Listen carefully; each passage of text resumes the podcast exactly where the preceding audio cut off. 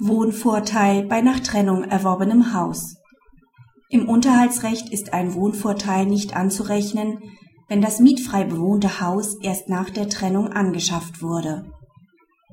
Die Parteien streiten um Trennungsunterhalt. Das Amtsgericht spricht der Ehefrau Unterhalt zu. Der Ehemann legt Berufung ein.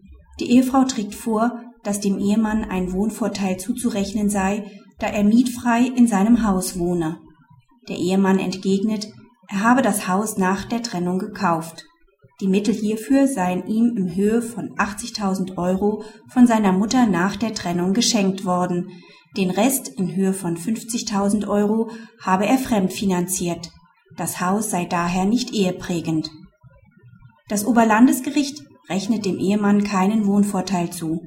Zwar geht der BGH von den sogenannten wandelbaren ehelichen Lebensverhältnissen aus, damit sind spätere Änderungen des verfügbaren Einkommens grundsätzlich zu berücksichtigen, unabhängig davon, wann sie eingetreten sind.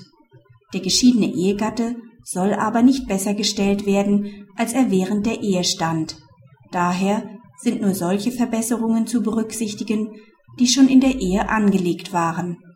Entsprechend einem Karrieresprung ist ein Wohnvorteil daher nicht prägend, wenn ein Ehegatte das Haus oder die Ehewohnung erst nach der Trennung bzw. Scheidung mit nicht prägenden Mitteln erworben und bezogen hat.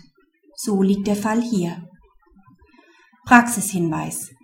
Der Wohnvorteil richtet sich in der Trennungszeit bis zum endgültigen Scheitern der Ehe nach den individuellen Verhältnissen des mietfrei Wohnenden. Es ist der Betrag anzusetzen, den die mietfrei wohnende Person für eine angemessene Wohnung zahlen würde. Danach, also nach Rechtshängigkeit der Scheidung, ist der objektive Mietwert des bewohnten Eigenheims anzusetzen